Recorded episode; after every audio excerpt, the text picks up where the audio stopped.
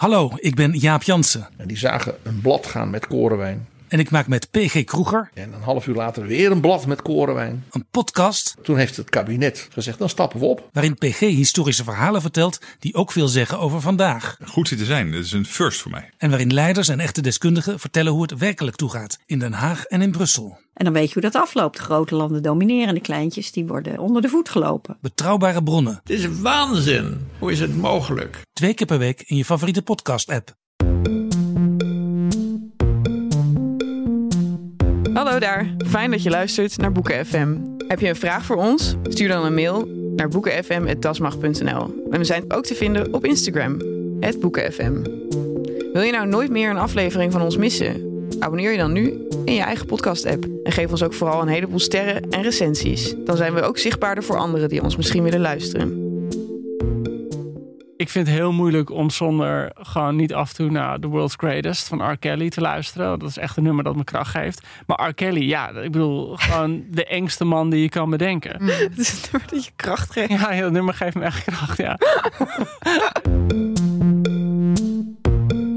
Hallo allemaal en welkom bij Boeken FM, de literaire podcast van uitgeverij Das Mag en Weekblad De Groene Amsterdammer. We zitten in de studio van Dag en Nacht Media, helaas zonder onze trouwe producer Merel Borst en zonder onze Ellen Dekwiets. Maar het goede nieuws is wel dat we eh 4 à 5 sterren romanschrijfster Marja Pruis bij ons hebben. Marja, welkom in de studio. Dankjewel. Marja Pruis, bekend van haar prachtige roman Huiswerk. Eh, waar de- zoals, waar, zoals Trouw schreef, een en al taal van nuft. waar Parool over Hoe schreef, je dat ook uitspreekt. heerlijk. NRC sprak van een knisperend schrijven en een heerlijke slimheid. Hoe gaat het maar? Nou ja, het is, het, is, het is out there. Het is officieel nu. Heel culinair hoe het wordt beschreven. Ja, inderdaad. Heel, eh, ja, Knisperend. heel sensitief. Maar hoe is, ook, hoe is ja. het voor jou om... Ja, je, je werkt een paar jaar aan zo'n boek in alle rust en stilte. En nu opeens is het in de wereld. Ja, ik ga een beetje heen en weer. Ik vind het heel comfortabel dat het zo enthousiast wordt ontvangen. Ik merk bij mezelf ook wel een hele lichte postnatale depressie. Al durf ik dat bijna niet te zeggen, want het had gewoon niet beter gekund. Het is heel goed geland. Eh, maar ja, het is ook wel gek. Het is gewoon weg nu. Ik heb, zo lang, ik heb er inderdaad lang aan gewerkt. Ik heb er heel lang over kunnen dromen. Ik kon me er lekker mee terugtrekken. En het is gewoon nu Het is het verhaal van Clara Fey. Een op Mrs. Dalloway-achtig gebaseerd personage, laat ik het zo zeggen. Die woont in, naar eigen zeggen, het mooiste huis van Amsterdam. En die knoopt een eh, vriendschap aan of een, een goede werkrelatie met haar huishoudster. En op een gegeven moment gebeuren er dingen die die relatie op het spel zetten. Ehm, en gaat eigenlijk over hoe ver ga je als lezer mee met Clara. En NRC schreef erover... je kan je genoeglijk laten verleiden door Clara's wijsheid... haar open verstelstijl, haar ingenieuze techniek... daarmee wel de beperking van haar blik uit het oog verliezend. De boemerang komt terug. Pruis weet van Clara's heerlijke slimheid iets pijnlijks te maken. Ook voor de zich slim voelende lezer. Zo dicht kan literaire empathie bij zelfgenoegzaamheid liggen. Auw. Dus het gaat over iemand die het goede leven leidt. Iemand die denkt een brave burger te zijn. En ondertussen kan je je afvragen hoe goed het is. Eh hey Mar, Hey. mogen wij aan onze lezers een paar gesigneerde exemplaren weggeven? Ja, heel leuk. om dat Oké. doen. Daar moeten ze wel wat, meestal wat voor Dan doen, moeten ze Joost. voor doen. Eh, Wat dat zullen, ze, we- wat zullen, we, wat zullen we ze eens laten doen? En eh, ik zat te denken, als jij het een goed idee vindt tenminste, Mhm. dat je, ehm, dat laten we deze vraag doen. Clara is schrijfster en die werkt voor een, een sociaal geëngageerd weekblad. En ze werkt een groot stuk over, essay, over, over hebzucht, een groot essay over hebzucht. En ondertussen komen de pakketbezorgers af en aan rijden met alle dingen die ze online bestelt ene hebben ding na het andere. En eh, toen dacht ik van misschien is dat... eh, en dan moet jij de eenman jury, moet jij dan zijn. Ja, Dat we onze luisteraars vragen... wat is de beste, meest onnodige online aankoop die je ooit hebt gedaan? Wanneer heb je je totaal door Telcel laten verleiden... of door de verkeerde pop-up op het verkeerde moment... En heb je nu, eh, zoals ik, een, een opgerold spijkerbed in huis liggen. Gewoon omdat je, omdat je echt dacht dat dit je leven ging veranderen. En dat kan je eerst sturen naar eh boekfm.dasmag.nl of eh, via onze socials. ja heel leuk. Echt een goede vraag. Wat, wat komt er bij jou naar boven? Je meest onnodige online Mijn aankoop? meest onnodige aanschaf is ook meteen mijn meest recente online aanschaf. Ik was afgelopen vrijdag in Hilversum werd ik geïnterviewd voor een radioprogramma. Een uur cultuur met Teddy Tops. En eh, ja, het was ook een heel leuk gesprek. En ik ging ook eigenlijk best wel blij. Gewoon zat ik terug in de trein. En toen stuurde ze mij een foto die ze op de social media had gezet. En toen schrok ik eigenlijk zo van mezelf dat ik gewoon impulsief een, een enorm groot pak heb, heb besteld. Gewoon dat ik dacht van ik wil gewoon verdwijnen. Ik, ik ga een pak kopen, een jasje en een broek waar ik gewoon niet meer in te zien ben. En dat is inmiddels gearriveerd en het is gewoon tien maten te groot. Het slaat helemaal nergens op. Dus ik moet het ding gewoon weer terug. kunnen we die ook.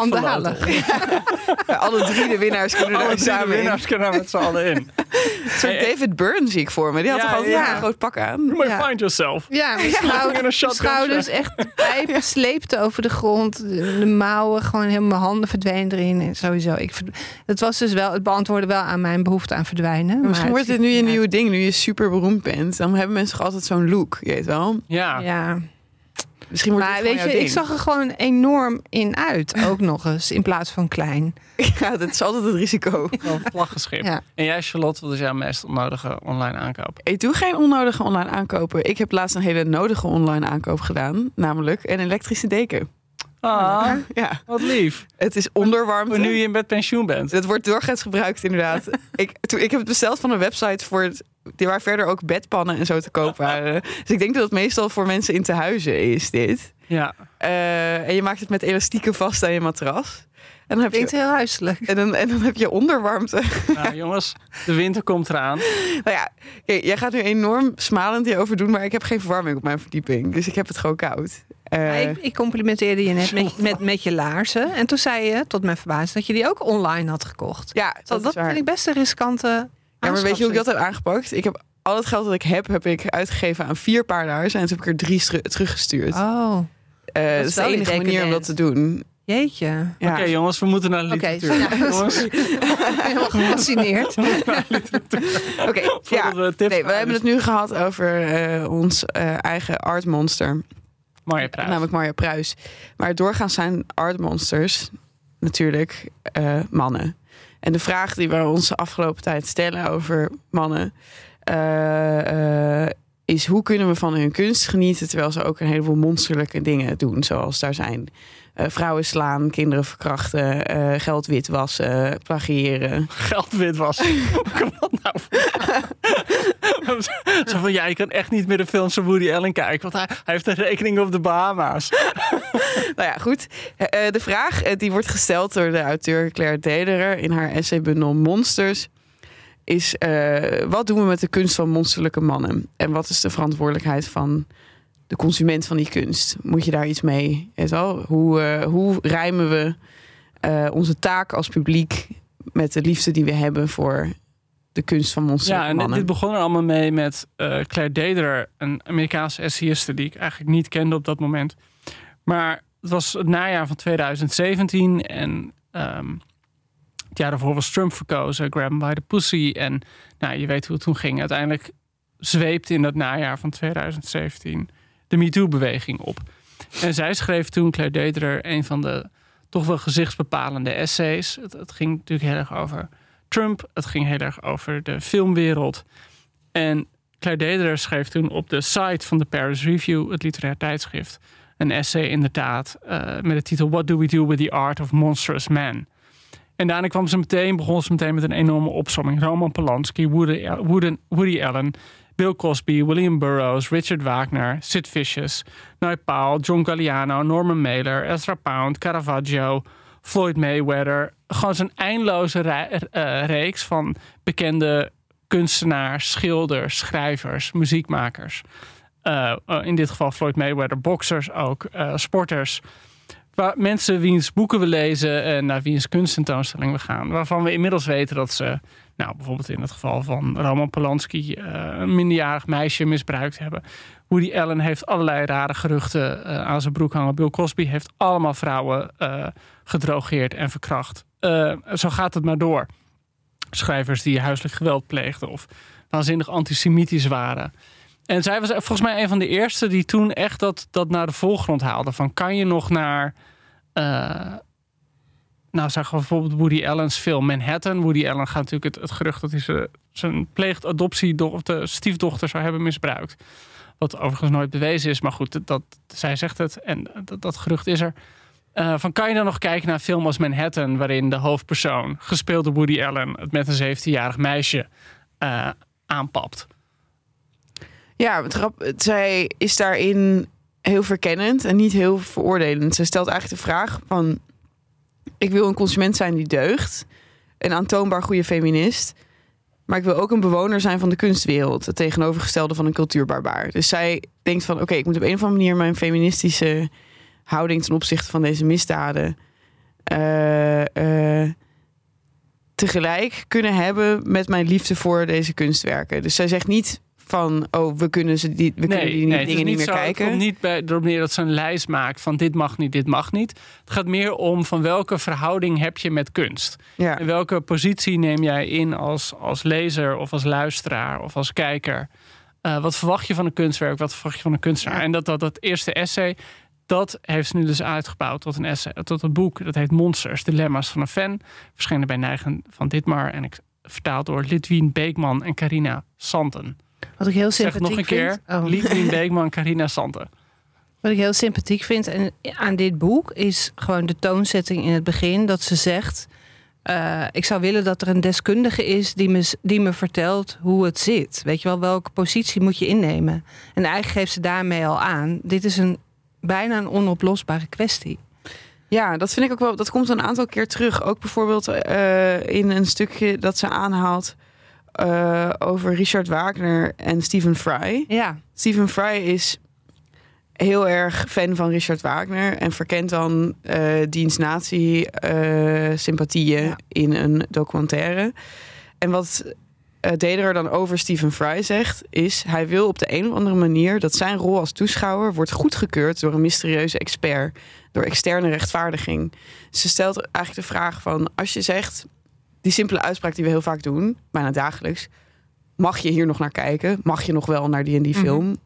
Eh, aan wie ben je dan toestemming aan het vragen? Ja. Ehm, En ook in dat essay schetst ze ook meteen die moeilijkheid van eh, Stephen Fry, die nu het probleem heeft met een man die toen leefde en toen zijn muziek maakte. En eigenlijk stelt hij zich een beetje boven hem, of zou hij zich bij wijze van spreken willen opstellen als een adviseur? Iemand die tegen hem zou kunnen zeggen. Mooi je muziek, maar schrijf dat essay alsjeblieft niet, waaruit blijkt dat je een enorme nazi bent. Hij was geen nazi. Hè? Richard Wagner is van voor de nazi's. Maar hij was wel een waanzinnige antisemiet.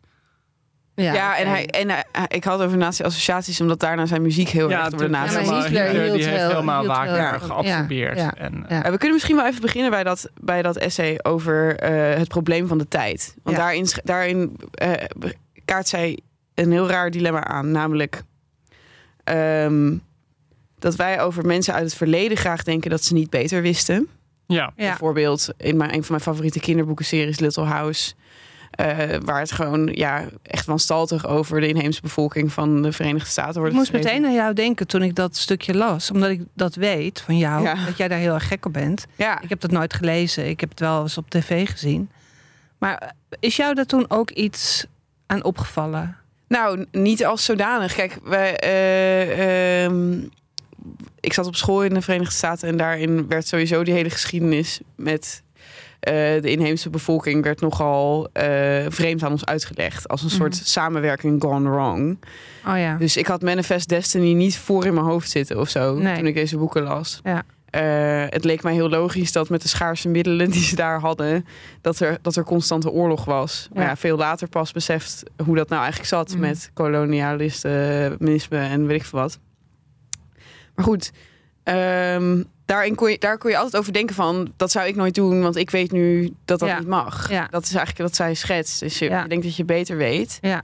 Ehm, maar tegelijkertijd denk je dat zij niet beter konden weten of zo. Dus ja, zij zegt ook wel grappig op een gegeven moment... we doen net alsof de mens een voortdurend evoluerend wezen is. Alsof de mens voortdurend bezig is om beter te weten... en ook beter te kunnen handelen. Zij beweert dat dat een centrale stelling van het liberalisme is. Dus, dus een soort teleologische visie op de geschiedenis. Uh, we worden, elke generatie is slimmer dan de vorige. Maar daar, daar zegt ze dan ook weer over van dat zou dan dus betekenen dat we ook kritisch op onszelf mogen zijn en op mensen die nu aan het schrijven zijn en dingen aan het maken zijn.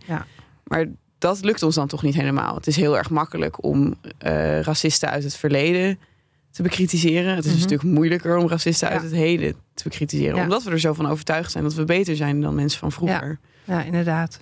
En er zijn natuurlijk heel veel voorbeelden. Hè. Ik bedoel, uh, ze, haalt ook Hannah Gatsby aan uh, met Nanette, de bekende uh, cabaretière, enorme Netflix-hit. Dat, die heel erg lang op Pablo Picasso doorging. Picasso is natuurlijk een van de grote art monsters.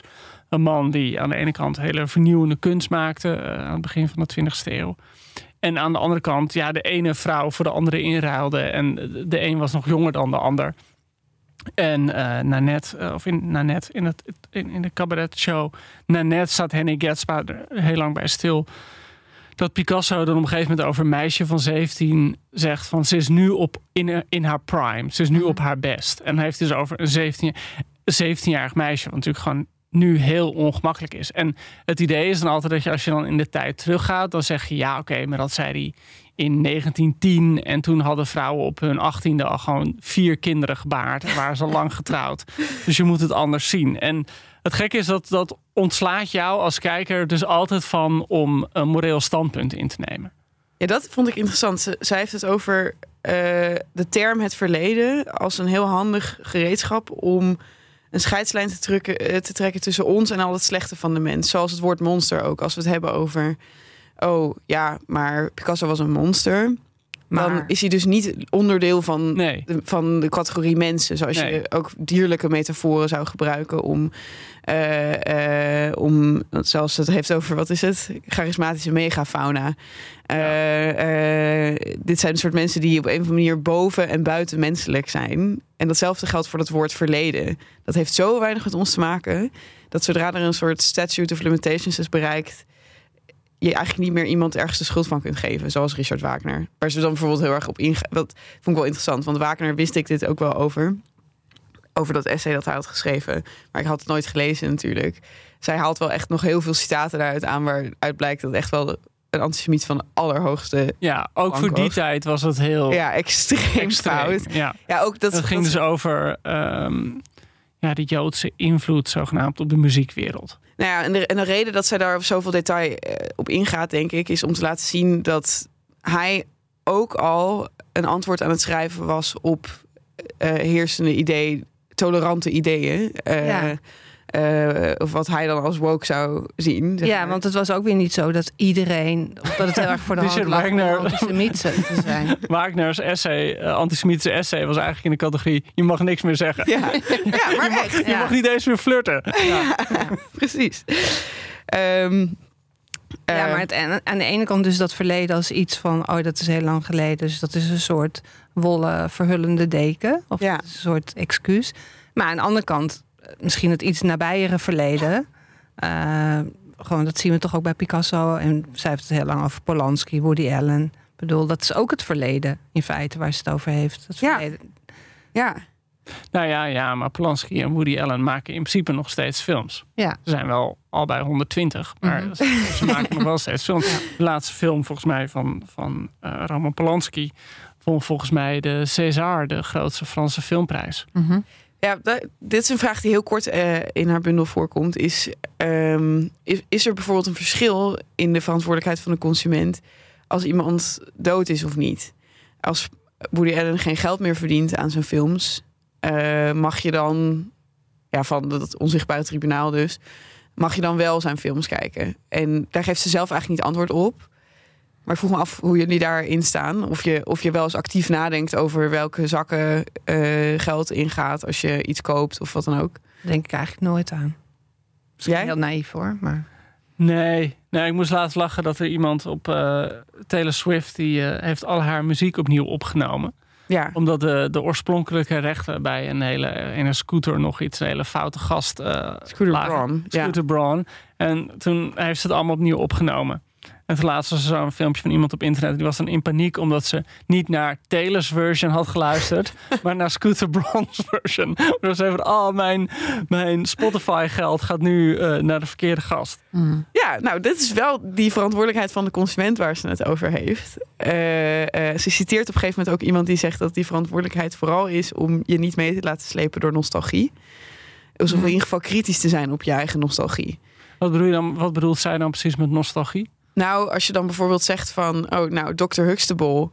Dat, eh, ja, Bill Cosby is dat. Ja, dat Ja. is zo'n centraal figuur in mijn jeugd geweest. eh, dat al die gedrogeerde vrouwen daar niet tegen op kunnen wegen. Nou, dan neem je je eigen nostalgie te serieus. Ah ja. Dat, dat, dat, dat zet zij dan weer op in, in een andere categorie dan de oprechte liefde die je voor een kunstwerk kunt hebben.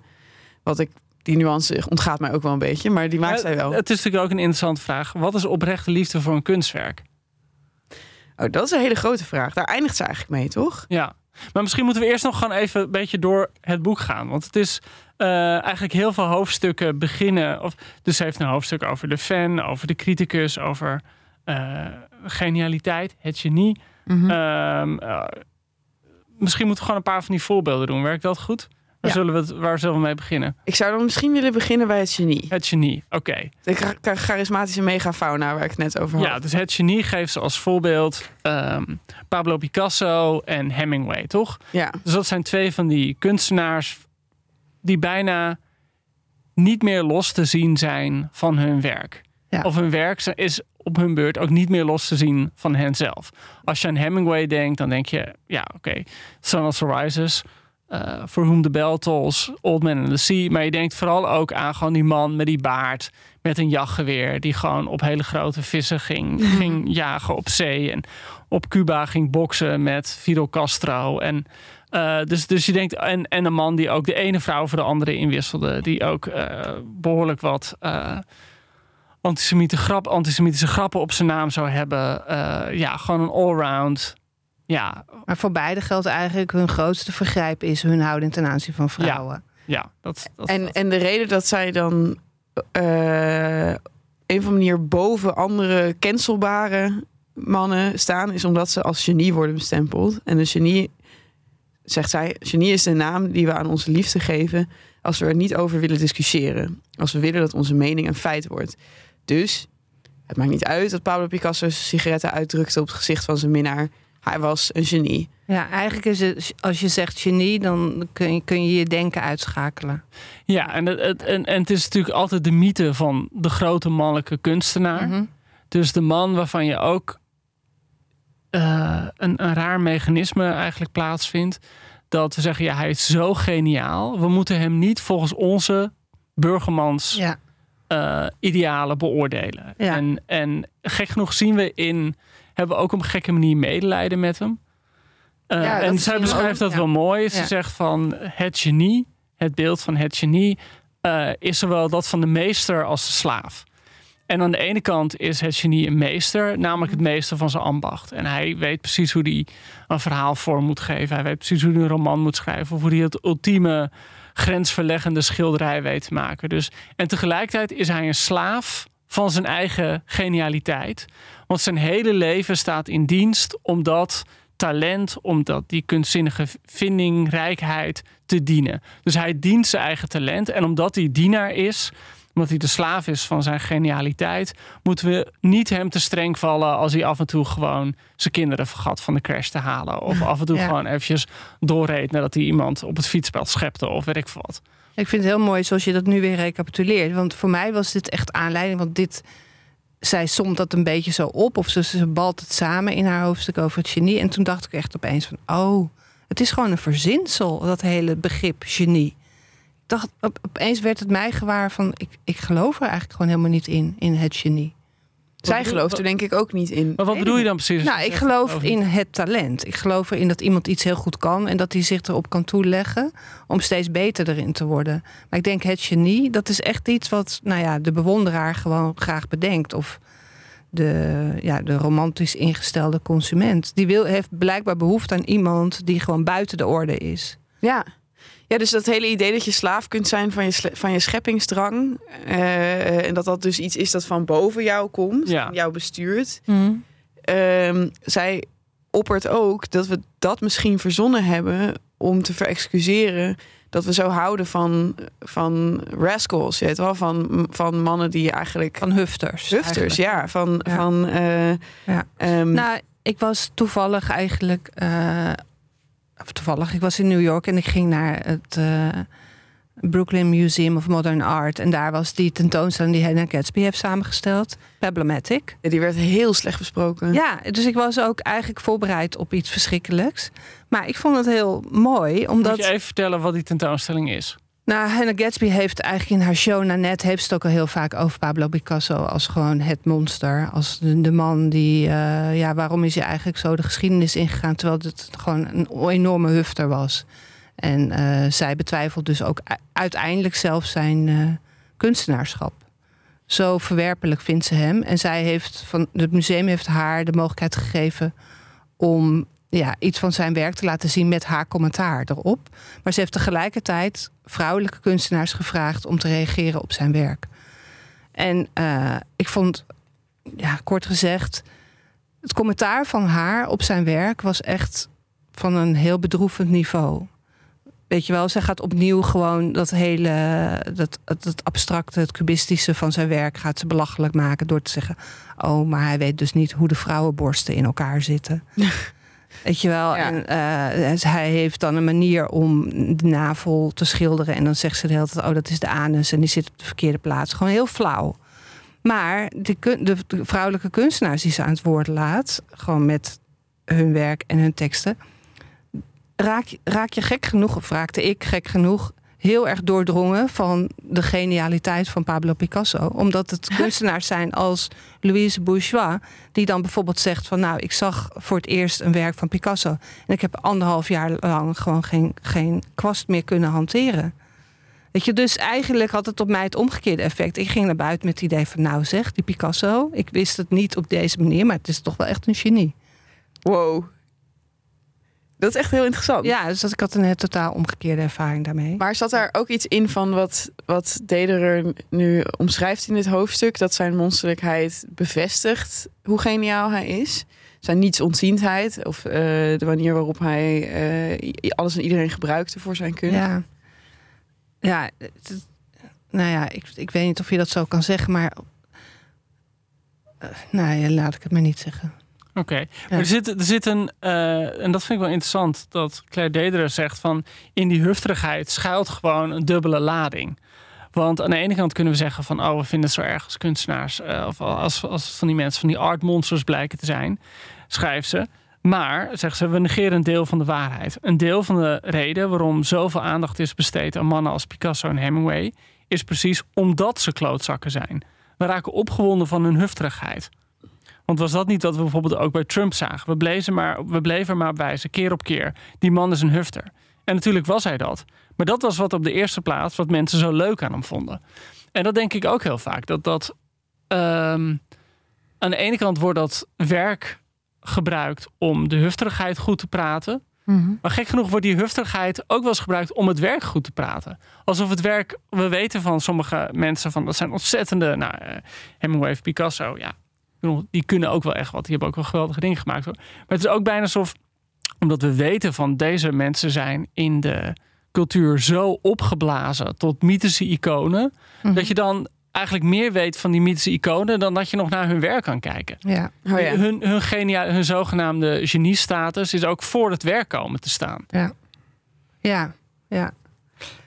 Ja. Oké, ja, zo, dus dat zegt het neuken, de hardheid, de vreedheid, de mannelijkheid, de bruutheid heeft het beeld gevormd. En in het verlengde daarvan ons idee van wat een genie werkelijk is. Dus wij associëren dat soort eigenschappen nu ook gewoon En met genialiteit. Misschien heb je die informatie dan ook nodig terwijl je naar het werk kijkt. Want ik vraag me voor mezelf oprecht af, als ik voor het eerst een werk van Picasso zou zien, of ik het dan zou zien zonder iets te weten. Dat denk ik heel vaak hoor. Dat vraag ik me ook altijd Ik af. vraag me ook altijd af, gewoon als ik iets blind gewoon zou lezen zonder context, zie ik het dan? Ik vraag het me echt af. Dat denk ik niet. Ik denk ook dat Claire Dederer zou zeggen van... van Dat zie je niet. Dat, Je hebt het nodig. Je hebt het hele verhaal nodig. Ja, Ja. ja. Dus daarom is dat hele besef van, of het idee van genialiteit ook iets, een soort collectieve eh, droom of zo. Ja, Terwijl die zichzelf bevestigt. Eindeloos werd, wordt herhaald. En daarom, oké, dat durfde ik net niet zo goed te zeggen, maar daarom zeggen die verhalen me eigenlijk ook niet zoveel over Picasso. Jullie wel? Ik ben daar echt, ik word er niet warm of koud van. Hoe bedoel je dat precies? Je wordt niet. Nou, van Het werk- meisjes die die schilderden of waar die weet, ik- weet ik veel wat mee deed. bedoel je dat je het werk gewoon eigenlijk scheidt van de man? Nou, eigenlijk in het geval van Picasso wel. Maar ook omdat beeldende kunst misschien niet jouw belangrijkste discipline is of zo. Zou Heb kunnen. misschien bij, heb je bij Hemingway... Nou, je houdt ook niet echt van Nee, ik hou ook niet echt van Hemingway. Dat is misschien een vraag. Ik heb Is dat allemaal gelezen omdat ik dacht ik moet het lezen. En het wordt gezien als hoge literatuur. En misschien durf ik nu eindelijk te zeggen, na heel veel decennia, van ja, eigenlijk vind ik er gewoon niet zo heel veel aan. Maar is er een, is er een eh, kunstenaar eh, in, waar jij heel veel van houdt? Nou, ik, ik zat te denken van, want zij zegt op een gegeven moment, Claire Dederer, van ik, ik, ik was een lijstje aan het maken van kunstenaars die eigenlijk niet meer kunnen. Toen dacht ik, wat is mijn lijstje? ja. En vond ik heel moeilijk. Maar toen, eh, de, eigenlijk de, de, de mensen op wie ik het eerst kom zijn dan in de categorie muziek. Dus bijvoorbeeld Nick Cave of Anthony Kiedis, de zanger van de Red Hot Chili Peppers. Mag Nick Cave niet meer? Nou, stond dat niet? Oh nee, dat heb ik net gehoord van iemand die hem eh, heeft geïnterviewd voor de radio. In Nick Cave, die eh, in de tijd dat hij nog met, eh, hoe heet zijn band was? Nou, ja, het was hij ook meer in een soort duistere gewoon drugsperiode. in zijn heroïnefase, zeg maar. Ja, maar dan ga je alweer, dan ga je vergoelijken. Ja, Maar het dat was interessant, dus het was mag. ja, dus het was Nee, maar gewoon- ik vind ja. wel dat er een verschil kan. Ik, ik, kijk, ik bedoel, ik geloof wel dat. dat eh, Oh, kijk, Nick Cave en Anthony Kiedis, die waren gewoon. Die hebben in de. gewoon Rock'n'roll. 30 jaar geleden een soort van. Coke, heroïnefase gehad, waar het vreselijk. En inmiddels zijn ze eruit gekomen en zijn het gewoon goedaardige figuren geworden. Voor Weet zover ik, voor zover ik erover kan oordelen. Ja, ja. Oké, jij gaat nu gewoon je twee grote helden afvallen.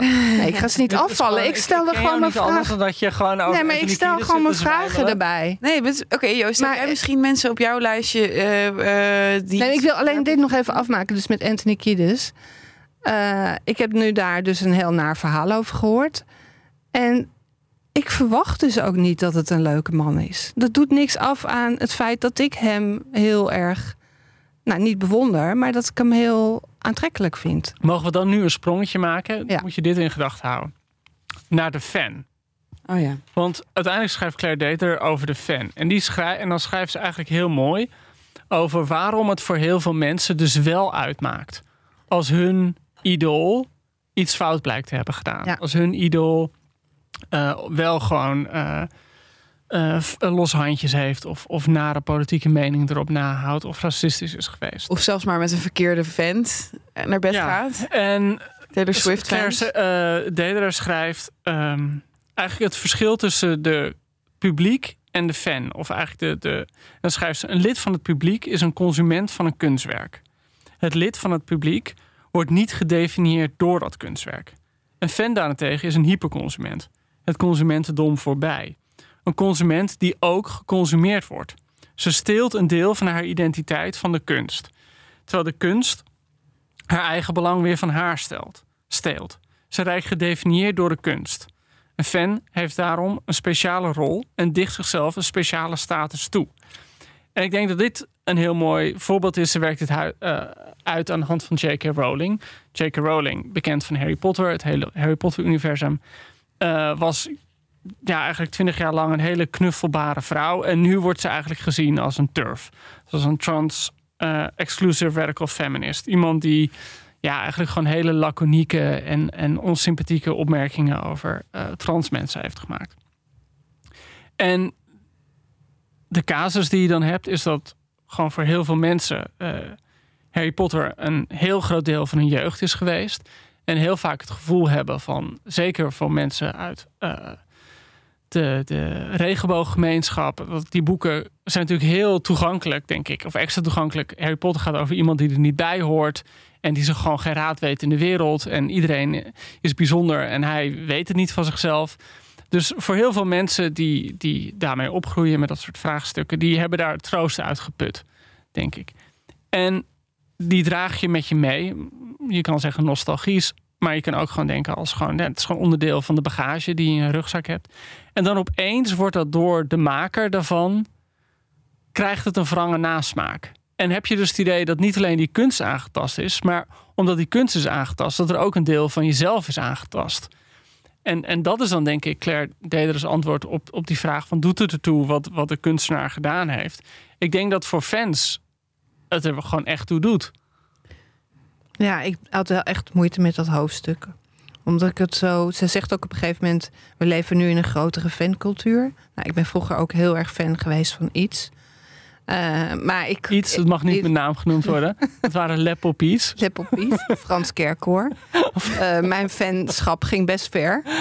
Uh, maar gewoon wat zij nu zegt over de fans van Jackie Rowling. Weet je, dat ze zoiets zegt als van... ze raken hun droomlandschap kwijt. Ik stel me een heuvel voor kaal geslagen. Dat is toch echt overdreven. Bedoel, waren jullie, hielden jullie van die Harry Potter boeken?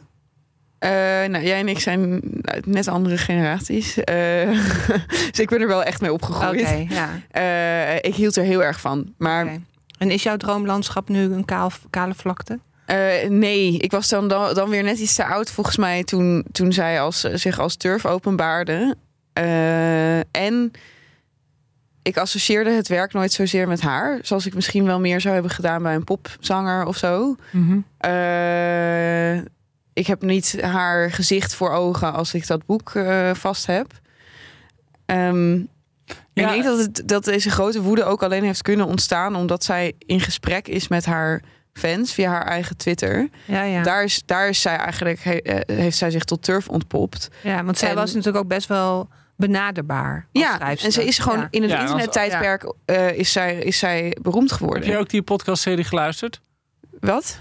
Oh, die, over eh, de The Witch. Trials Nee. of uh, J.K. Rowling. Dat Nee. gaat hier ook heel erg over. Dat zij een van de eerste schrijvers was die eh, een... Natuurlijk, je had allemaal van die fanboards op, op internet. Van die, waarin forums, waarin mensen Harry Potter fans met elkaar gingen. En dat deed ze ook aan mee. Dus zij ging ook gewoon toen al in, als een van de eerste in gesprek online met de fans. Dus ze was voor die fans heel benaderbaar en heel zichtbaar. Ja, Dederer maakt dit niet expliciet, dat het, dat het anders zou zijn in het internettijdperk. Maar ze zegt wel dit. Ehm, onze hersenen zijn er niet per se op ingericht goed om te gaan met het gevoel van rechtstreeks toegesproken te worden, terwijl de spreker het in werkelijkheid tegen talloze mensen heeft. Dus zij, zij stelt eigenlijk dat je dat fandom een soort onnatuurlijke staat is, waarbij jij denkt dat, je, dat er rechtstreeks tegen jou gesproken wordt. En dat je dus dingen ook als persoonlijk verraad gaat zien, terwijl iemand het tegen een hele grote groep heeft. Wat je misschien Mm. meer zou voelen als er gewoon alleen een boek zou zijn. En niet ook nog iemand die gewoon antwoord geeft op jouw tweets.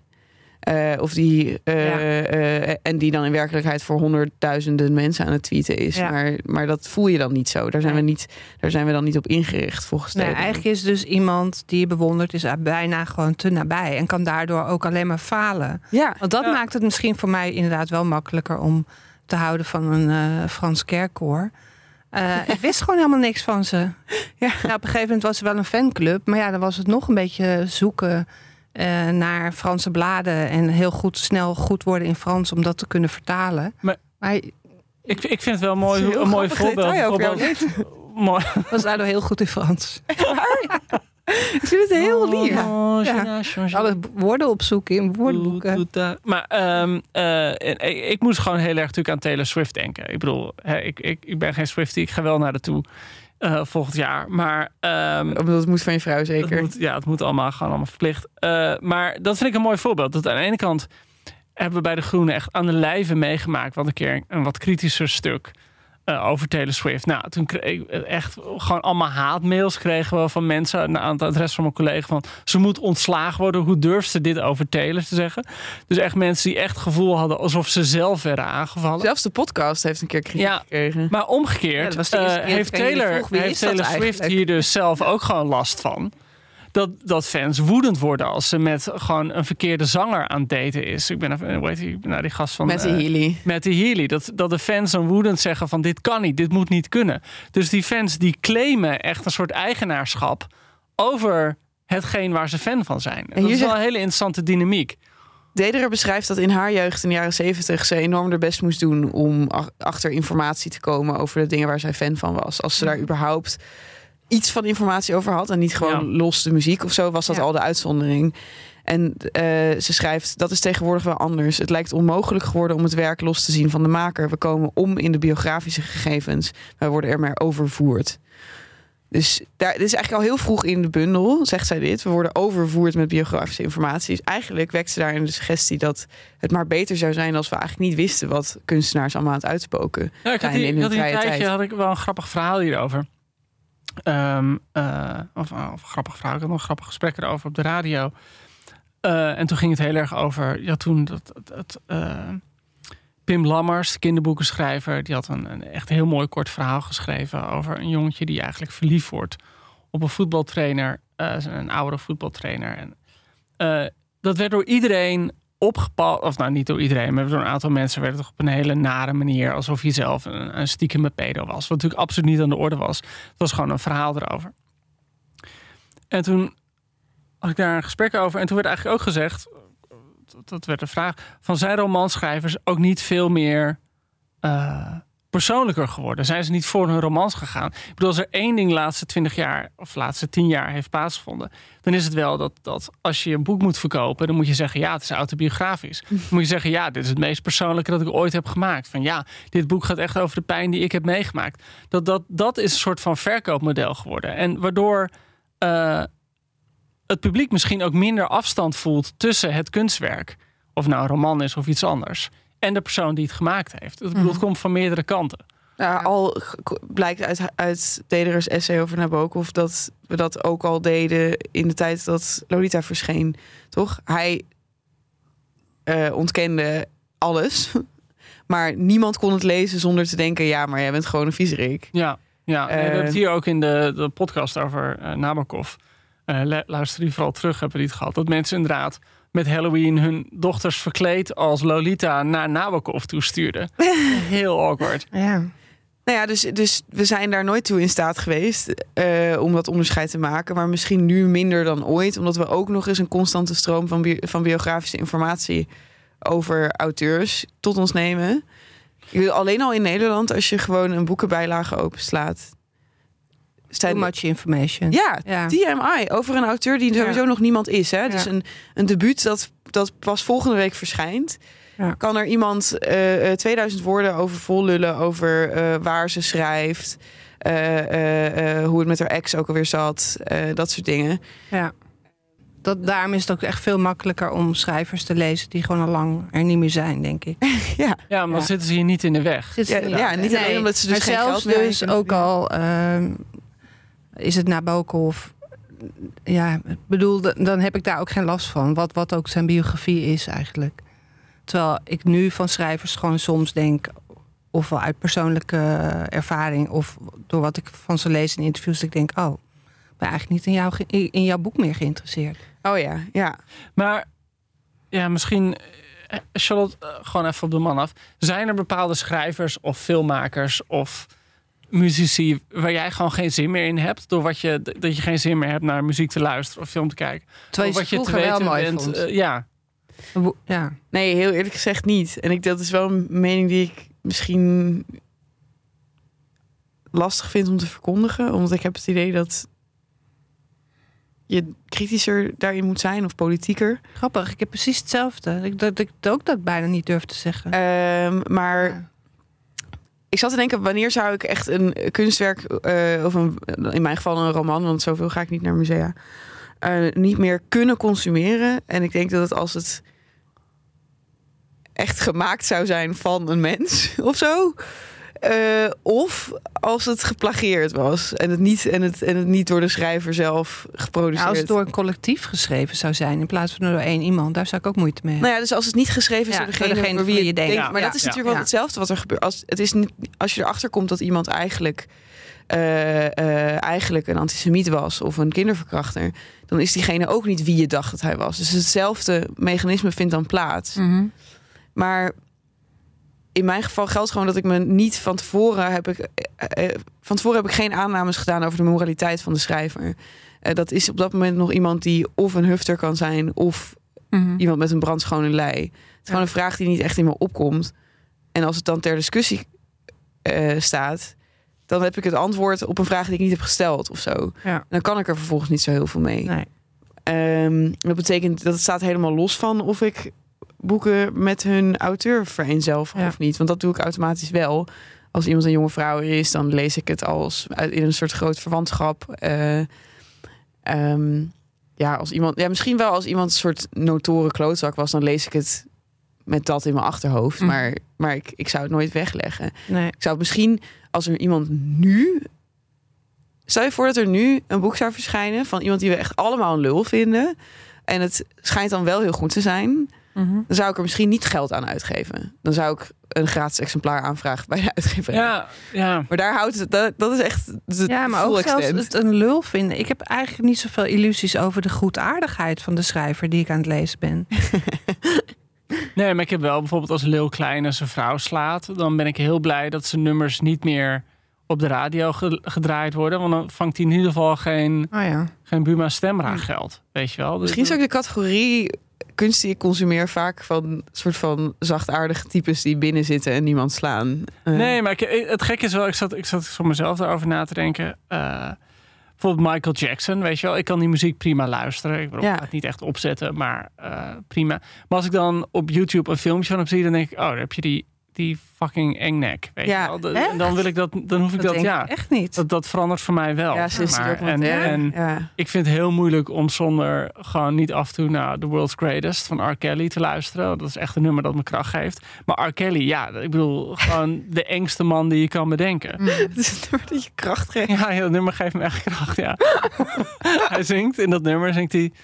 I'm the little bit of hope when my back's against the rope. En dan denk ik, ik vind het gewoon zo'n mooi idee... dat je je eigen laatste hoop bent. Dat je denkt van, oh, ik heb geen laat, mijn laatste hoop, ben ik zelf. Jij ligt dan op je spijkerbed Dan en denk ik, naar te lig ik op luisteren. mijn spijkerbed, ja. En dan denk ik van, ik ben mijn laatste beetje hoop. Nee, dus, dus ik bedoel, ik, ja, ja. Dit is meer een vraag eh, die ik vind dat beantwoord moet worden door grotere instanties. Zoals daar zijn mensen die eh, kunstbeurzen uitdelen of zo. Als het om geld gaat. Ik weet niet. Of iemand daar. Mijn kleine heeft. bijdrage eh, door een bioscoopkaartje te kopen of zo. Of Spotify cent. Ja, maar dan zeg jij dus dat je wil dat, dat eh, musea dan bijvoorbeeld ervoor kiezen om geen tentoonstelling te organiseren. Ja, dat is, aan, dat is dan aan die musea. Ja. Ja, eigenlijk, eigenlijk zeg ik nu iets wat ik. Eh, nu, nu besteed je het uit aan de grotere autoriteit. Ik besef dat ik het nu dat ik het toch eens ben met iets wat ik een hele rare sprong vond in de gedachten van Claire Dederen. Namelijk. Namelijk, eh, zij maakt eigenlijk aan het einde van, eh, van haar bundel deze gedachtesprong. Het probleem is dat het model van individuele verantwoordelijkheid, die in de meeste versies van ethiek wordt verondersteld, weinig effect heeft op het gedrag van het kapitaal of van bedrijven. Oftewel, there's no ethical consumption under capitalism. Dat past zij dan weer toe op fandom. Door meteen te reageren met en ga je nu het werk van R. Kelly nu wegdoen, worden critici dienstmaagden van het kapitaal. Ze verschuiven de aandacht van de dader en de systemen die de dader steunen naar de individuele consument. Dus zoals we ook zeggen, nou, afval scheiden zou niet de individuele verantwoordelijkheid moeten zijn van één iemand. Het gaat meer om de grootste vervuilers. Mhm.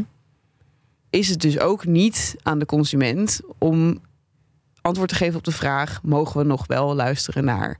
Dat is aan, dus aan het systeem. Het moeilijke het is. systeem bestaat niet. Ja, het moeilijke Kijk, is dat het systeem gewoon vager is in het geval van kunstenaars. Nee, maar goed, het systeem, oké, dan verwijs je door naar een museum. Maar het museum zijn er ook gewoon drie of vier mensen die een beslissing moeten maken.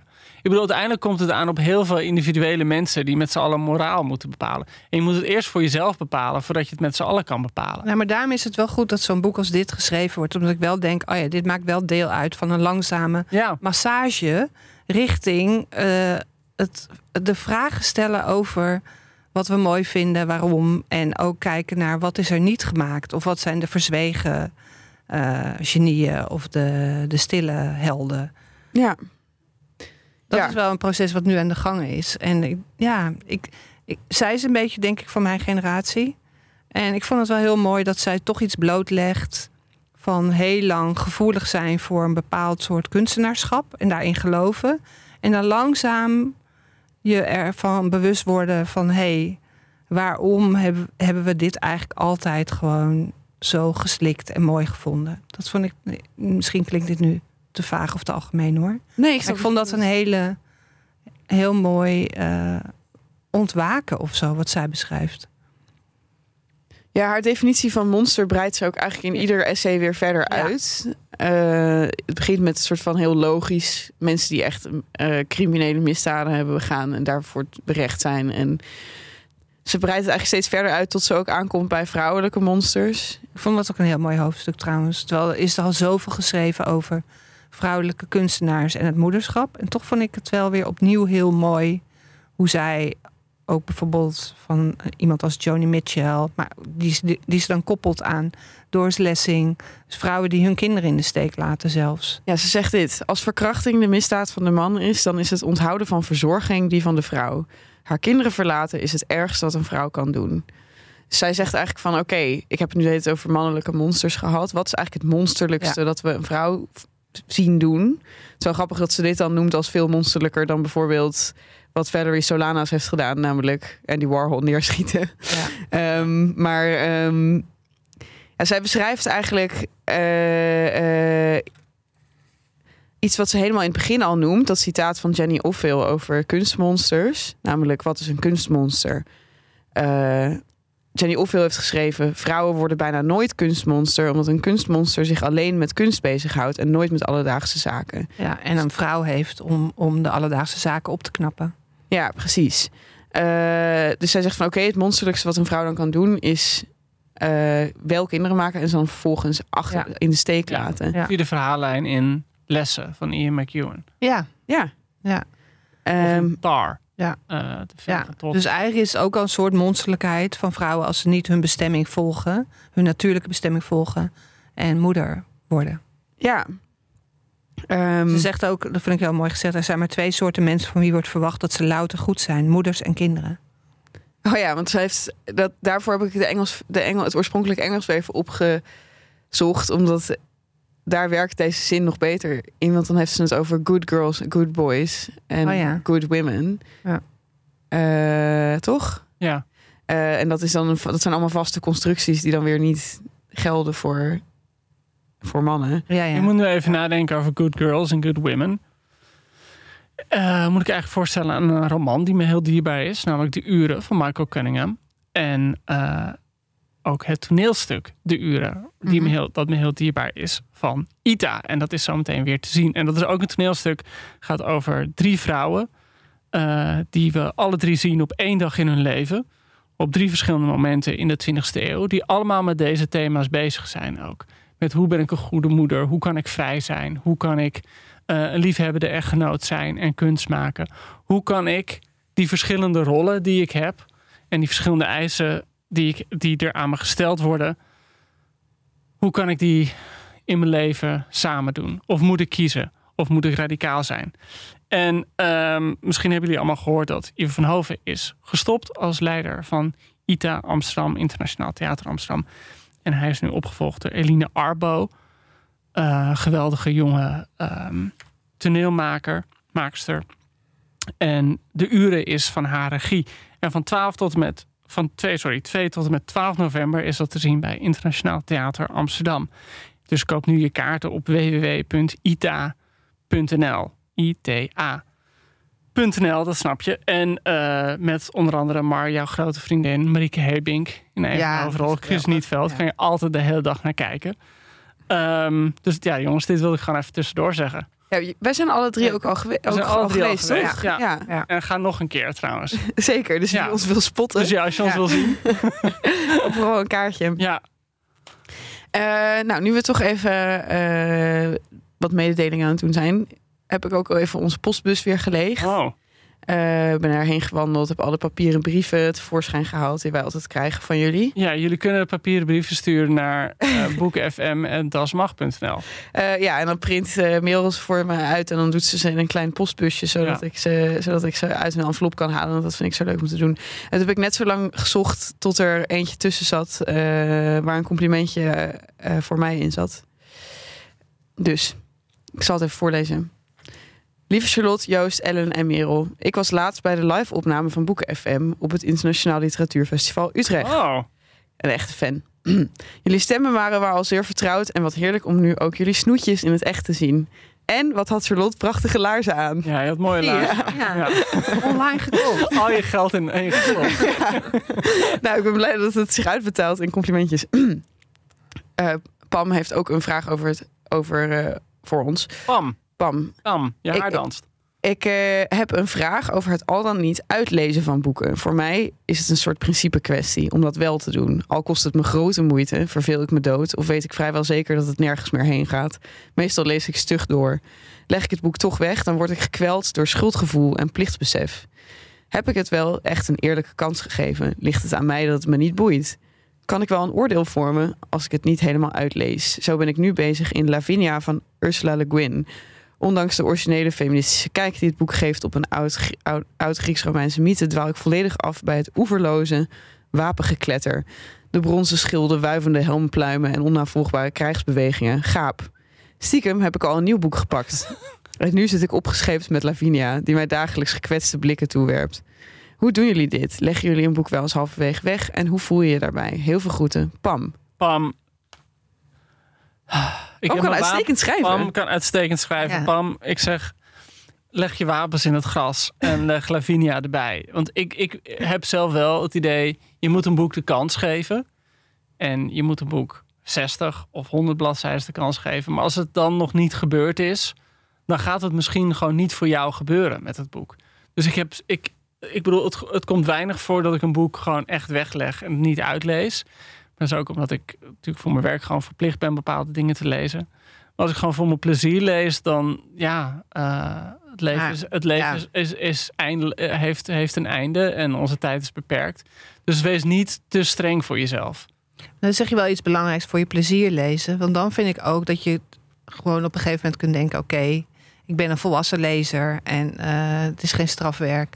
Maar als je er iets mee moet met dat wat je leest en je moet er iets over kunnen vertellen of schrijven, dan vind ik wel dat je verplicht bent om het uit te lezen, hoe dan ook. Maar Ja, ik heb dus op mijn bureau echt een stapel liggen van niet uitgelezen boeken. Het zit mij ook heel erg dwars. Ook al lees ik die boeken voor mijn plezier. Echt waar? Ja, ik vind dat vervelend om een boek niet uit te lezen. Maar wat ik wel wil, wil zeggen is dat ik, ik zie soms op Goodreads dat mensen dan zo'n pinnig dingetje zeggen van oh, ik ben halverwege gestopt, want saai. En dan toch wel maar dan mag je, dan mag je, ik vind wel, dat is de regel. Je mag hem dan niet op je Goodreads Nee, dat vind ik invoeren. ook. Ja. Gewoon als je het niet hebt uitgelezen, dan eh, eh, onthoud je je wel van het recht om er een volledig oordeel over te vellen. Het is mijn grootste eh, angst als recensent. En ook de reden dat ik alles tot op de laatste letter altijd uitlees. Altijd. Eh, ik bedoel, als je als recensent, Ja, als ja, recensent. ja, Ja, ja. eh, is dat ik, ook, dat ik op een dag zou opschrijven.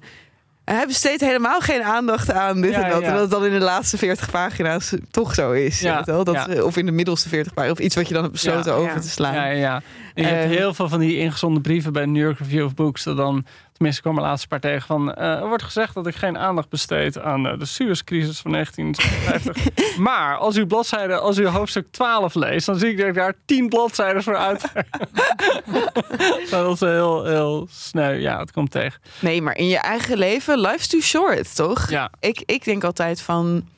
ehm, die schrijver is er niet bij, toch? Als het een, als het een vriendin van je is, dan, dan is, er weer, is het weer een Het ander geeft mij toch wel echt een, een, een rommelig gevoel. Een boek ja om ik, niet ben uit wel, te lezen. ik bedoel, ik snap eh, Pams, Pams Ja, huiver wel ja, gewoon. ja. Ik heb het ook een beetje. ja. Maar ik heb, ik heb mezelf, en ik heb, zeker toen ik, toen ik jonger was, heb ik gewoon, eh, ja, weet je, al die boeken van John Steinbeck zitten lezen. Die, ik, ja, ik het gekste saai boek van vond. uitgelezen. Ja. eh, eh, omdat ik dacht van het moest, het moest. Ja. En ik heb er vast ook misschien wel wat aan gehad.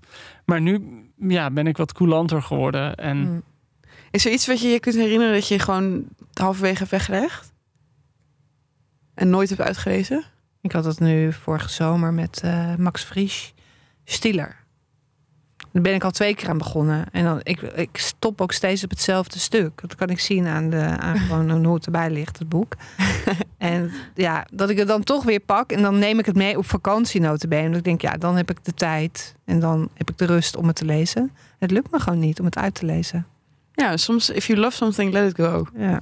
ja, En jij, eh, Joost? Eh, ik zit nu te denken, ja, weet ik, ja, gewoon, ik weet nog dat ik gewoon, gewoon in volle overtuiging Don Quixote ben gaan lezen. Oh, dat wil ik ook gaan lezen. Ja, maar ja, ik heb het eerste deel gelezen. En toen dacht ik, ja, Oh, is, is het in delen? Ja, ik, ja, de meeste edities zijn twee Oh. delen. En toen dacht ik, nu weet ik het Mm. wel. Weet je wel, gewoon hoeveel windmolens kan een mens aan? Ik heb het met de Hobbit. De Hobbit. Ik kreeg de Hobbit niet uit. Heb je wel die andere delen gelezen? Nee, ook niet. Oh. Ik, heb, ik, kon het niet. ik kan niet met die fantasy dingen. Of nee, met- ik ook niet. Ik, zo ben ik heel vaak aan Harry Potter begonnen. Oh, ja. Mijn, eh, mijn, ehm, kijk, sommige boeken zijn gewoon iets voor jou niet. Ik- Toevallig zitten we boven, waar, beneden hier op de eerste verdieping. Daar zat mijn voormalige sportschool, eh, de Basic Fit. Eh, en ehm, toen zei mijn, was ik een keer met, met, met een coach, eh, een van mijn fitnesscoach aan het praten. En die zei toen van, ja Joost, maar die boeken van Harry Potter kan ik gewoon niet aan. Want als ik dan Harry Potter lees, dan denk ik alleen maar, Harry, pak gewoon een AK-47, pak een Kalashnikov en schiet gewoon die Voldemort voor zijn bek. Weet je wel? Dacht ik, ja, oké, als dat zeg maar je instelling is, ja, dan is het misschien niet voor jou. Nee, dan mag je trainer mag dat inderdaad opzij mijn trainer, ik, ik gun het mijn trainer. hey, maar we hadden het nu eventjes, eh, om weer even terug te komen bij Dederen. Eh, we hadden het even over jouw rol als critica. Want daar schrijft ze op zich ook wel uitgebreid over. Ja, vind Want wat eigenlijk, mooi. zoals ze zegt van het genie bestaat niet. Ja. Is ze eigenlijk, probeert Dederen een boom op te zetten voor het feit dat kanonisering of autoriteit... Mhm. eh, een soort van het totaaloordeel dat mensen toch graag over kunst willen vellen... dat dat eigenlijk niet bestaat. Nee, en dat zij eigenlijk daar ook langzaam achter komt. Zij is best vroeg begonnen als critica, als filmcritica. Was ze begin twintig, denk ik. Toen was ze ook behoorlijk onder de indruk van al haar mannelijke collega's. Die allemaal met een soort van autoriteit schreven. En ze dacht, die moet ik ook pakken. Eh, Ja, en dus dan hebben we het over van die grote uitspraken zoals... wat het beste is. Ja. Ja. En dat in het begin zegt ze ook bijvoorbeeld over de films van Woody Allen. Dan zegt ze ook heel, met heel stellig van ja, Manhattan is de beste Woody Allen. Wat ik meteen heel aantrekkelijk vond. En daarna komt ze erop terug dat ze zich dat heeft aangeleerd. Eh, en die spanning die zij beschrijft tussen subjectiviteit en autoriteit, die snap ik heel goed. Dat ze ook langzaam leert om dan vanuit een ik te gaan schrijven. Dat ze ook terugkijkend op haar recensies ziet wat ze eigenlijk doet. Namelijk eigenlijk haar subjectiviteit onderstrepen, maar daarmee een ander soort autoriteit neerzetten. Eh, ik vond het Wat heel herkenbaar. Nou, omdat je dan eigenlijk nog meer nadruk legt op jezelf als criticus door je, je eigen ik erin te schrijven. En het ook eh, misschien wel je waardering ook te verleggen. En meer de nadruk te leggen op wat eh, betekent deze film voor mij. Want zij zegt er is een soort heilige triptiek van vragen... Mhm. die je als criticus moet stellen. Namelijk, wat heeft de maker geprobeerd te maken? Is dat gelukt? En voegt hij daarmee iets toe? Is daarmee iets origineels gebeurd? Ja, dat klinkt heel mooi. En dat klinkt heel- kritiek. Ja, maar ik denk wel dat, dat Ja. je daarmee moet beginnen. Je kan niet alleen zeg maar, een film in zeggen, zeggen ja, oké, ik heb niks met hobbits, dus deze film is. Nou, ik hoor mezelf deze tri triptiek ook uitleggen aan studenten eh, kritiek. En tegelijkertijd denk ik nu, wat een onzin toch eigenlijk. Ik bedoel, jij bent degene die het gaat beoordelen. Het gaat erom, wat doet die tekst of die film of het kunstwerk? Wat voor effect heeft het op jou als beschouwer? Nou, zij, En who cares about iemands intenties? zij schetst een beetje een contrast. Ze vergroot dit contrast tussen haar en die andere critici uit... door, te, door ons in de bioscoopzaal mee te nemen... waar op de voorste rij eh, de mannen van de grote krant Onderuitgezakt. zaten. Ja. Eh, eh, die bij horrorfilms deden alsof ze niet reageerden... met extra opengesperde ogen. Terwijl zij gewoon op de achterste rij... met haar handen voor haar ogen naar die enge film zat te kijken... Kijk, het- hè, dit zal gechargeerd zijn, maar zij laat ons daarmee de twee vormen van kritiek eigenlijk zien. De mannen die doen alsof ze geen mens zijn. En Maar alsof ze alleen ja, maar een spreekbuis van- ja, ja, ja. van een soort van de Ja. kanon zijn. En, Ja. en, dan, en, dan, en dan misschien de, de nieuwe, nieuwe eh, recensent die wel, wel zozeer een mens is dat ze misschien een deel van de film ook niet meekrijgt, namelijk handen over de ogen heeft. Mhm. Eh, ik- ik neem aan dat jullie allebei je ergens op dit spectrum bevinden. Al denk ik dat jij, Joost, net iets meer liefhebber van de triptiek bent en jij meer van de ik-vorm. eh. Ik vind, nee, nee, nee ik, ik- laat ik zo zeggen. Je, ik vind dat je moet beginnen met het triptiek. En daarna kan je bij een vierde vraag komen van... heb ik er zelf een bepaalde connectie mee? Ik bedoel, het is het, het, het, het, de waarheid zit natuurlijk altijd ergens in het midden. Ik bedoel, je kan niet een... eh, kijk, maar misschien is dat het ook hoor. Ik vind het heel fijn als iemand zo'n soort van autoritaire uitspraak doet. Omdat ik weet dat het toch maar een mening is. Ik weet dat als iemand zegt: Dit is de beste film ooit gemaakt. Want dit en dit. Dan denk ik, nou interessant. Ik ben het wel of niet met je eens. Het doet me gewoon niks als iemand dat zegt. Maar haar, ik vind het wel fijn dat iemand die uitspraak doet. haar pleidooi is ook uiteindelijk niet om niet zo te schrijven, maar alleen om te beseffen dat een absolute uitspraak, zoals dit is de beste film van de 21ste eeuw. Ja, maar dat zijn Dat- nee, maar- uitspraken. dat, dat die nooit vanuit een eh, achtergrondloze eh, achtergrond zijn gekomen. Dus zij zegt, ja, er bestaat een misconceptie, namelijk eh, dat er mensen zijn die heel erg vanuit hun achtergrond, als bijvoorbeeld vrouw of zo, schrijven. En mensen die, die vanuit zonder achtergrond schrijven. Nou, dat is niet waar. Ja. Ook, ook die mannen die aan die op de voorste rij zaten, die waren vanuit Ja. een bepaalde positie aan het schrijven. Dat is eigenlijk het enige punt dat zij maakt. Ja. Ehm, en dit maakt een heleboel bij ons los, maar ik zie ineens Ja. de klok. Oh shit, ik wil er echt nog iets over zeggen, omdat ik toch eh, gewoon hoe jij het nu voorstelt, hè, van je gaat eerst die triptiek langs en dan mag je aan het eind zeggen wat jij ervan vindt. Dan maak je er iets triviaals van, wat jij ervan vindt. Terwijl ik, mag, kan ik dit nog? Ja, ja, tuurlijk. Zij zegt op een gegeven moment, ik had het destijds niet in de gaten, maar deze ik, dus die ik die ze dan gaat gebruiken, was op zoek naar een authentieke, misschien zelfs diep gevoelde reactie op het werk. Een verlangen om de emoties die het werk me had losgemaakt op papier te zetten. Daarbij in aanmerking genomen dat mijn emoties, mijn ervaringen, niet de jouwe zijn en de jouwe niet de mijne. Het is een ander soort kunstkritiek die je bedrijft door jezelf op die manier in te schrijven. En zij heeft het er ook over, en dat vond ik ook heel herkenbaar, dat er geen leuke of mooiere leeservaring is dan een andere criticus lezen Ja. die ook zo schrijft. En voor mij was dat echt. eh, Tap ik heel erg uit de oude doos, ik weet het. Maar het was Kees Vens. Oh, die was eigenlijk niet meer de officiële criticus van de Volkskrant. Hij had op een gegeven moment meer een soort vrijbrief gekregen. Dus op de krant, op de voorkant van de krant, had hij altijd een klein stukje over de boeken die hij aan het lezen was. Nou, dat was voor mij echt gewoon het hoogtepunt van de week.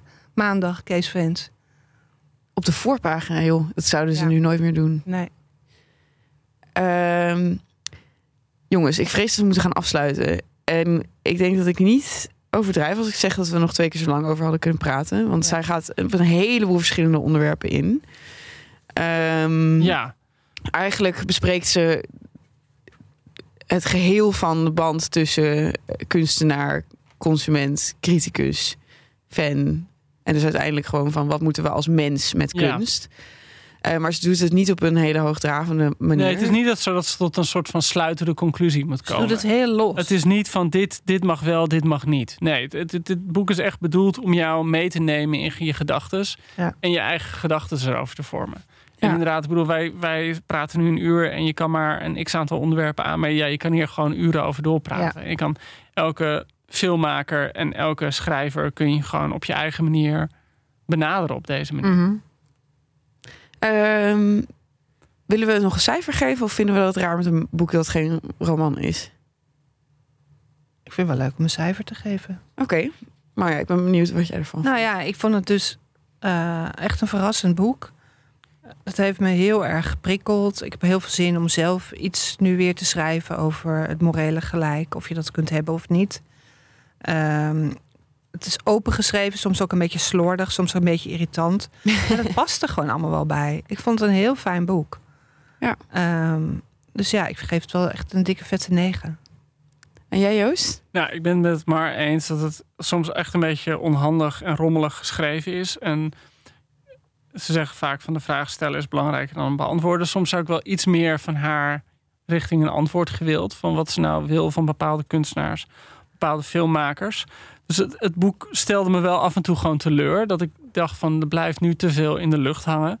En tegelijkertijd is dit denk ik voor mensen die onze podcast luisteren een heerlijk boek om te lezen. Want ik bedoel, wij hebben het ook gewoon over eh, hoe je met de blik van 2023 naar oude kunstwerken kijkt. En het grappige is, ik had, ik had wel meteen, ik had dit gelezen, dacht ik, oh, ik ga weer eens Manhattan kijken van, van Woody Daar had Allen. ik ook meteen heel veel zin in. En, En dat, ook dat, viel, ja, dat, dat viel me toen heel erg tegen. Toen dacht ik, oh shit, ik kan nu inderdaad het niet meer loszien. Dat meen je niet. Echt Ja, waar? Ik vond Manhattan gewoon, s- gewoon minder goed in elkaar zitten dan, dan Annie Hall. Maar nee, half best vind ik, vind ik onaanvertrouwelijk. Dus het grappige is, je kreeg wel heel veel zin om er gewoon weer naar dingen van te Ja. kijken. Dus het enthousiasmeerde me ook. Ik ben over het boek zelf iets minder enthousiast. Ik geef het eh, een nou, 6,5. Maar ik denk wel dat het... eh, ja, god, eh, dit is gewoon een heel interessant onderwerp. Dit is Mhm. gewoon ook waarom... Dit laat ook zien waarom kunst en literatuur nooit stilstaat. Waarom een boek nooit af is. Omdat het altijd weer nieuwe betekenissen krijgt. En dat is gewoon precies waarom je ook van literatuur houdt. Ja. Dus wat dat betreft raad ik het iedereen eh, aan. En jij, Charlotte? Ehm, ja, eigenlijk wat jullie hebben gezegd. Ik ben wel heel positief. Ik vond het soms te Amerikaans of zo. Eh, het, het- ze bijt zich heel erg vast in Trump en Kavanaugh en allemaal dingen die met de jaren niet meer zo uh, Ja. de kanon zullen zijn als, als al die grote kunstenaars die ze langs gaat. Ik denk dat ze het tijdlozer had kunnen maken door die dingen weg te halen. Ja, dat Bovendien vind mijn- letterlijk wat ik net zei. Ja. vind ik het soms eh, gewoon oninteressant eh, hoe zij in haar kamer naar het nieuws aan het kijken is. Dan denk ik, ja, oké, over tien jaar is dit niet helemaal meer te begrijpen voor iemand die dan twintig is. Ehm, maar verder vind ik dat ze ehm, ja, juist, eh, juist heel niets ontziend met die hele grote namen omgaat. Hemingway, Nabokov, Picasso. Eh, ze gaat er gewoon in, in zo'n onderwerp. Ze voelt ook niet een grote verplichting om helemaal uit te gaan leggen waarom Hemingway dan een belangrijke schrijver was of zo. Eh, ze, ze benadert het heel erg als een, als een lezer. Ehm, en heeft toch ook een zeker intellectueel gewicht, want ze is duidelijk heel belezen. Dus ik vond het echt super interessant. En ik denk dat ik het een 8 geef. Dus dan komen we uit op gemiddeld een eh 7,8. En dat is afgerond een 8. Mooi. Alright. Bedankt voor het luisteren, jongens. Ja, Eh, stuur allemaal je vragen in, eh, of nee, je antwoorden van Marja. Dan win je een geseerd exemplaar.